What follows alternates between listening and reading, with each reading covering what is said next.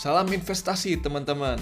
Ini adalah episode kedua dan kali ini kita ingin bahas tentang penurunan Dow Jones yang um, kemarin ini mencapai kurang lebih hampir 12 persenan lebih.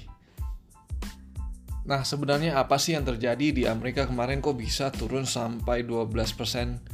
Nah, jadi kurang lebih uh, stay tune, tetap di episode kedua ini teman-teman akan dapat informasi yang kurang lebih akan menggambarkan tentang kondisi yang terjadi di Amerika pada kemarin.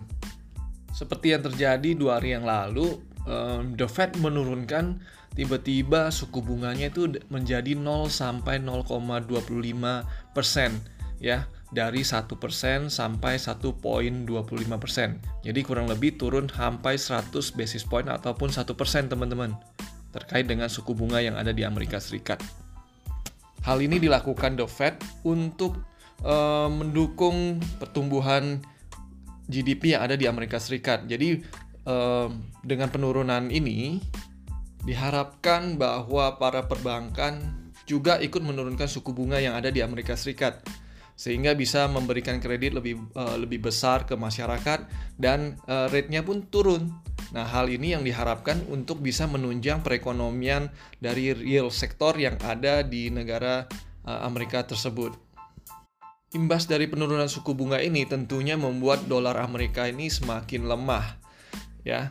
Jadi dibandingkan dengan uh, mata uang currency di emerging market ataupun di Asia Pasifik, rata-rata kemarin uh, menguat terhadap US dollar. Tapi ternyata hal ini cuma sifatnya sementara karena US dollar ini dianggap sebagai salah satu safe haven, jadi ketika volatilitas meningkat, semua akan kembali memegang US dollar yang mengakibatkan US dollarnya menguat. Berbeda dengan krisis-krisis yang sebelumnya, contohnya 2008 dengan uh, krisis financial global terkait dengan subprime mortgage di Amerika, krisis di yang terjadi di tahun ini lebih uh, lebih masif kalau menurut saya ya dibandingkan dengan krisis-krisis yang sebelumnya. Kemarin Trump menyarankan untuk menghindari uh, kegiatan-kegiatan ataupun keramaian-keramaian yang sifatnya lebih dari 10 orang. Hal ini ditujukan untuk membatasi untuk penularan COVID-19. Serta ada sedikit laporan ataupun suggestion dari lembaga penerbangan terkait dengan adanya kemungkinan kebangkrutan dari maskapai-maskapai yang ada di Amerika kalau tidak ada campur tangan pemerintah sampai sejauh ini kemungkinan mereka akan mengalami kebangkrutan di bulan Mei.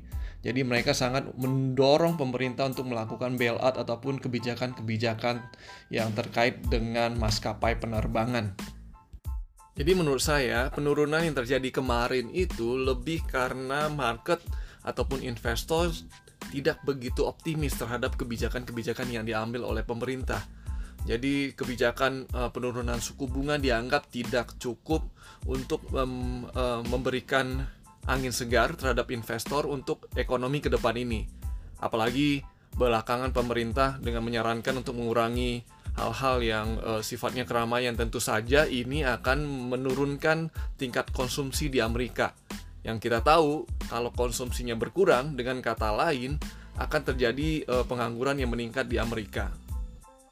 Dan hal lain yang harus diperhatikan adalah COVID-19 di negara Eropa selain China, grafik uh, penularannya semakin meningkat berbanding terbalik dengan apa yang terjadi di China.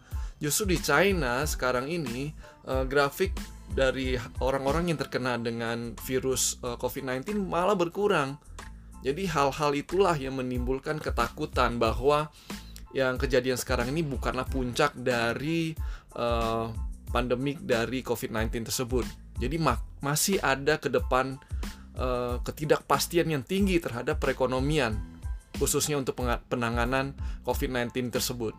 Walaupun kita dengar ya, hari ini um, ada berita bahwa vaksin COVID-19 hari ini mulai dites di dalam tubuh manusia. Jadi semoga kalau ini berhasil, tentu saja ini bisa merupakan hal yang sangat positif di market. Jadi teman-teman, um, kiranya ini menjadi opportunity kita ke depannya ya, untuk ketidakpastian terkait dengan uh, eh, COVID-19 belakangan ini. Lagi pula teman-teman, Dow Jones sudah minus kurang lebih hampir 29%. Dan menurut saya salah satu faktor yang harus kita perhatikan juga investor cenderung untuk mengambil atau melakukan profit taking belakangan ini terkait dengan kondisi market yang volatility-nya sangat tinggi. Bisa plus 9% dan minus 12% dan hal-hal ini yang dilakukan oleh para trader khususnya mereka ingin mengambil sedikit keuntungan dari apa yang sudah mereka investasikan. Oke teman-teman sekian dulu untuk episode kedua ini yang terkait dengan penurunan Dow Jones yang 12% lebih. Jadi intinya kesimpulannya adalah yang pertama uh, investor uh, tidak melihat uh, dampak yang begitu positif terkait dengan kebijakan moneter dan masih menunggu kebijakan fiskal yang lain ataupun kebijakan ke dalam sektor real seperti apa. Itu yang pertama. Yang kedua adanya kekhawatiran untuk perlambatan ekonomi yang lebih dalam apabila terjadi lockdown di beberapa negara dan apalagi terjadi di Amerika Serikat. Hal ini akan menurunkan tingkat konsumsi yang ujung-ujungnya akan meningkatkan um, tingkat pengangguran di Amerika Serikat dan akhir-akhirnya mengarah terhadap ancaman resesi. Yang ketiga juga jangan kita lupakan bahwa tahun ini Amerika akan melakukan election kembali. Jadi kebijakan-kebijakan ke depannya ini pasti sangat sifatnya pro rakyat atau sifatnya yang populis. Oleh karena itu ke teman-teman ketidakpastian ke depan ini semakin tinggi. Jadi saya sarankan teman-teman tetap melakukan diversifikasi dalam investasi teman-teman untuk mendapatkan hasil yang optimal. Oke, sekian dulu. Andi undur diri. Bye.